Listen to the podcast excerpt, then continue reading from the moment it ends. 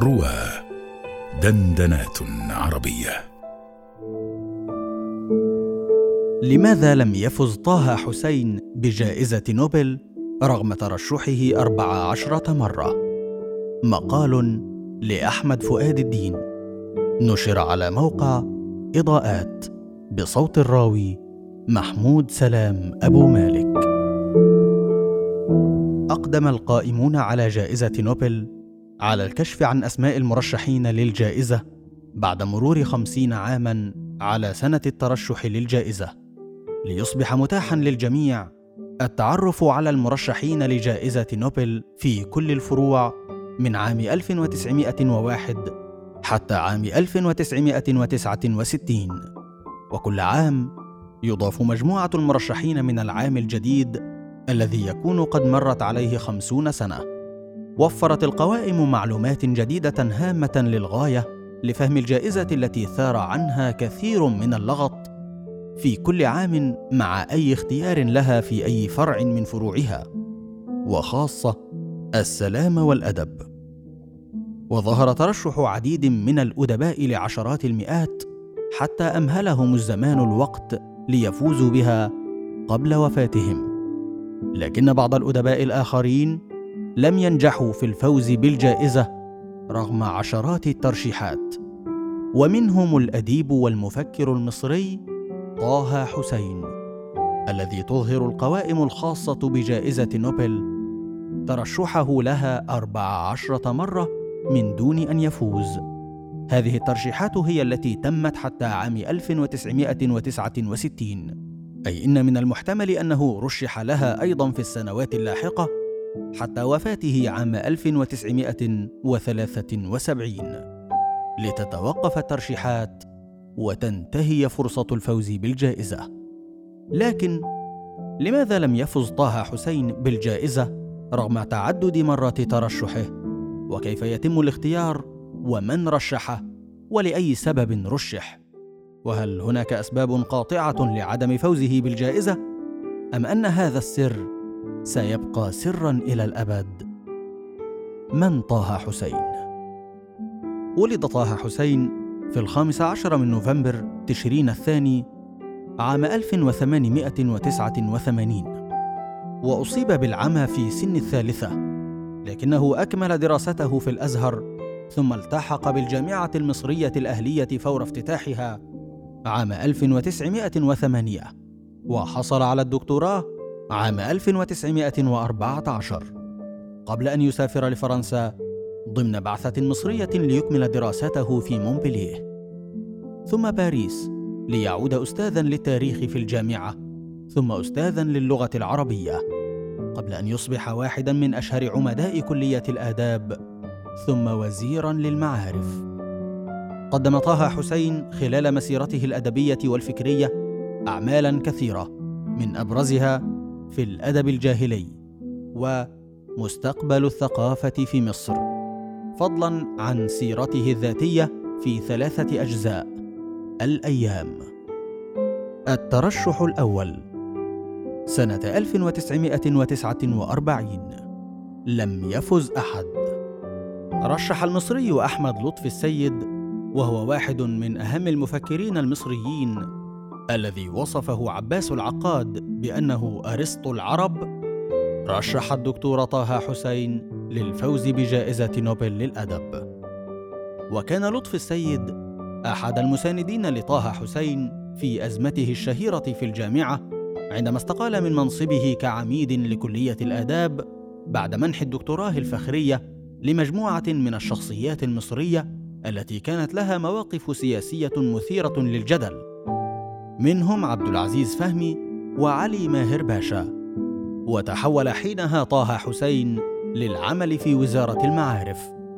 لكنه رفض استلام وظيفته مما حدا بالحكومة المصرية لإحالته للتقاعد في سن الثالثة والأربعين. لم يفز طه حسين بالجائزة هذا العام الذي يعد واحدا من أغرب الأعوام في تاريخ جائزة نوبل.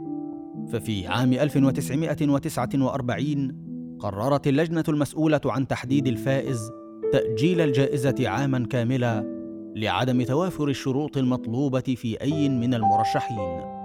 ثم أعلن فوز الروائي الأمريكي ويليام فوكنر بالجائزة لاحقا. يقول الأستاذ محمد سلماوي إن الدكتور طه حسين كان أقرب المرشحين للفوز والتفوق على فوكنر لكن الأزمة الحقيقية أن فوكنر لم يكن أصلا واحدا من المرشحين لنيل الجائزة ويبدو أن اللجنة كانت تحاول تقديم الجائزة لفوغنر فاضطرت لتأجيلها عاما آخر حتى يتم ترشيحه ومن ثم إعلان فوزه.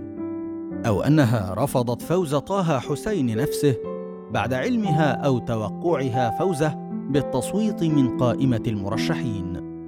يعزو بعض النقاد ومنهم سلماوي عدم فوز طه حسين عام 1949 إلى قيام دولة إسرائيل وشنها حربا على الدول العربية قبل ذلك بعام واحد عام 1948 واحتياجها لطمس الهوية العربية في العالم وعدم ذكرها. لكن ما من دليل لذلك التحليل؟ المرشحون. يتناقض قرار اللجنة بتأجيل الجائزة لعدم وجود مرشح مناسب مع حقيقة أن مرشحين عديدين ممن رفضتهم اللجنة هذا العام عادوا ليفوزوا بالجائزة لاحقا.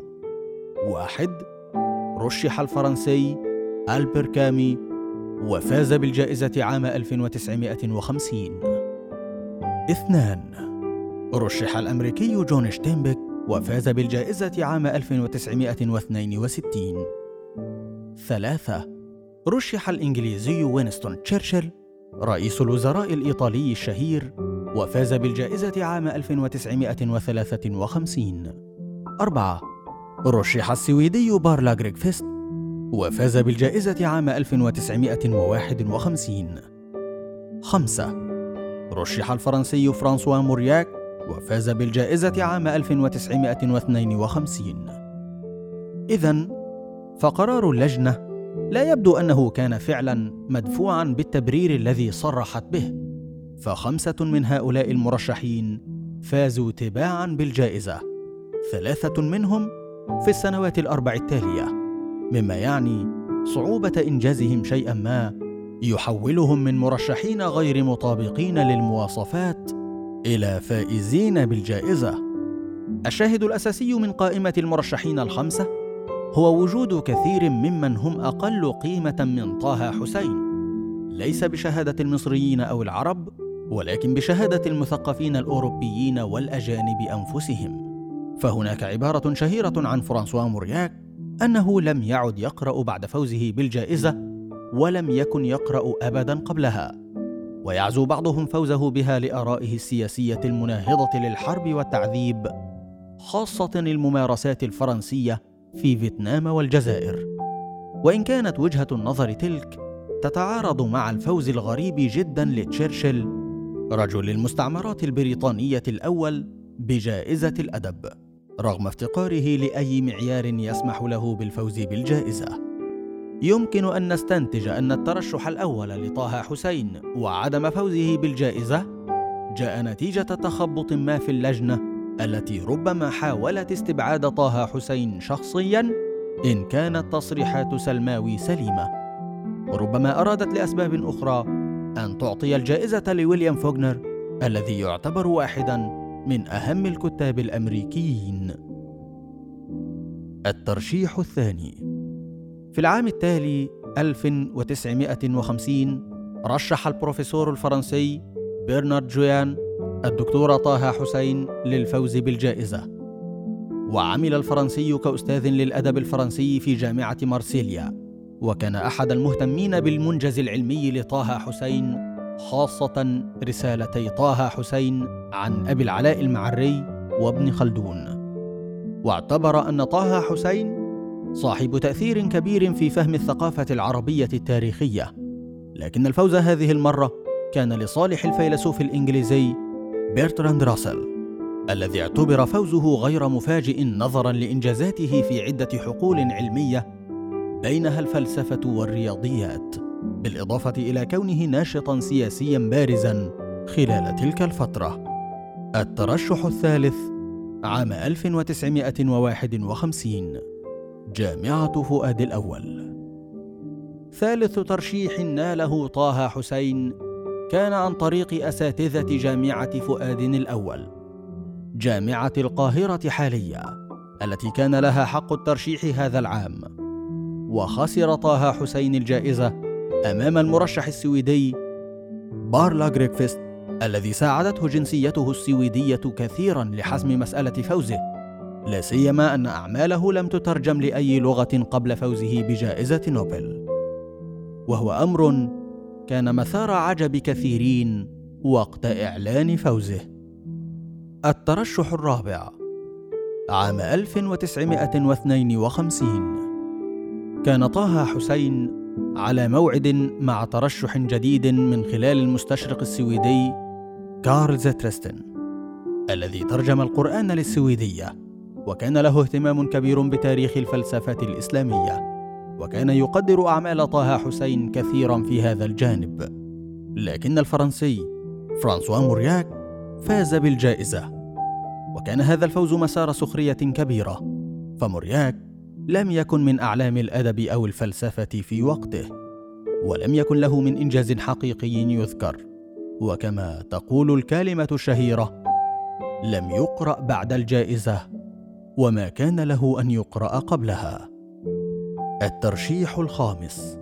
عام 1960 تأخر الترشح الخامس لطه حسين ثمانية سنوات بعد آخر ترشح له. وكان سويدي جديد هو هيدربرغ لا تتوافر عنه كثير من المعلومات هو من رشحه. وهو نفسه من سيعود ليرشح طه حسين مرتين أخريين أعوام 1961 و 1962 فاز بالجائزة في ذلك العام الشاعر والدبلوماسي الفرنسي سان جون بيرس. الترشيح الثلاثي عام 1961 للمرة الأولى يحوز طه حسين ثلاثة ترشيحات في عام واحد من قبل السويدي هيتربيرغ الذي رشحه في العام السابق ومحمد خلف الله أستاذ اللغة العربية بجامعة الإسكندرية وهنريك صاموئيل نايبرغ الأكاديمي السويدي أحد أعضاء أكاديمية العلوم الملكية السويدية المسؤولة عن اختيار الجائزة. ورغم ارتفاع حظوظ طه حسين لدرجة غير مسبوقة بسبب ترشيحه الثلاثي ووجود عضو من الأكاديمية يدعمه فإن الجائزة ذهبت إلى الصربي إيفو أندريتش الذي تخلى عن جنسيته البوسنية لصالح الصربية إبان الحرب بين الدولتين. وكانت معظم كتاباته عن البوسنة تحت الحكم العثماني.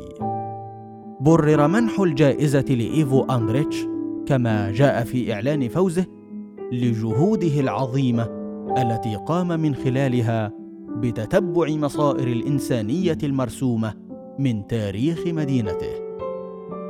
الترشيح الثنائي عام 1962 رشح طه حسين عام 1962 على يد اثنين هما هيدربيرغ ونايبيرغ اللذين كانا قد رشحاه من قبل في العام الفائت. لكن الجائزة ذهبت إلى الأمريكي من أصول ألمانية جون شتينبيك وهو الفوز الذي قابله العقاد باستهجان شديد وقال إن في مصر من هو أهم وأفضل من شتينبيك ومنهم نجيب محفوظ. لكن رؤية العقاد الثاقبة لن تتحقق قبل مرور أكثر من ربع قرن عندما يفوز نجيب محفوظ بالجائزة عام 1988 الترشيح الحادي عشر عام 1963 جاء الترشيح الحادي عشر في تاريخ طه حسين على يد المستشرق الفرنسي شارل بلا الذي كان واحدا من المهتمين بالفلسفة الإسلامية ولا سيما الجاحظ. وكتب عنه عدة مؤلفات وكان متقنا للغة العربية وعين أستاذا للدراسات الشرقية في جامعة باريس.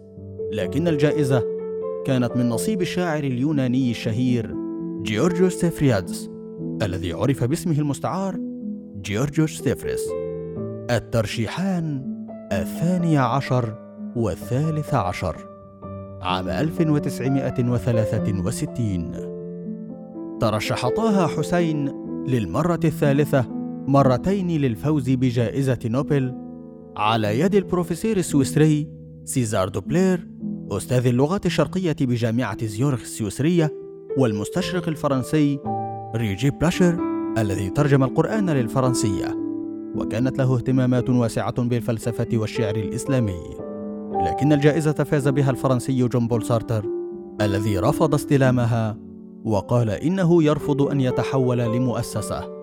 وإن الجائزة قد تعيقه عن استكمال عمله. الترشح الأخير عام 1964 كان الترشح الأخير لطه حسين حسب ما توفر لنا حتى عام 2019 على يد المستشرق الفرنسي شارل بلا للمرة الثانية. لكن الجائزة فاز بها السوفيتي ميخائيل شولوخوف الذي واجهته كثير من الصعوبات والجدل. لا سيما حقيقة كتابته لروايته الشهيرة الدون الهادئ التي صاحبها الجدل حتى بعد وفاته بسبب ادعاء الكثيرين ملكيتهم الأصلية للنص. لكن العديد من الدراسات والأبحاث زعمت بعد ذلك أنه من كتب الرواية بمقارنة باقي رواياته وأسلوبه معها. هل خسر طه حسين بعدم فوزه؟ بالطبع تعطي جائزة نوبل في الأدب كثيرا للفائزين بها. ربما من أهم ما توفره هو ترجمة أعمالهم للغات عدة وهو ما تكرر مع معظم الفائزين بالجائزة. لكن طه حسين بالفعل تمت ترجمة كثير من أعماله. ربما ما يزيد على 12 عملا معظمهم للفرنسية. البلد الذي تأثر به وأثر فيه بحسب الكثيرين. لكن بالتأكيد فشلت نوبل في الظفر بمفكر بحجم طه حسين. فكما يستفيد الكاتب بالجائزة تستفيد الجائزة به. ومن الواضح أن خلال الفترة التي رشح فيها طه حسين كانت الجائزة تعاني كثيرا من التخبط وساد في الأوساط الثقافية امتعاض من نتائجها. ليبقى السؤال هل كان طه حسين ليقرأ بشكل مختلف في العالم لو أنه فاز بالجائزة؟ وهل كان سيقرأ بشكل مختلف في بلده ووطنه العربي لو أنه فاز بالجائزة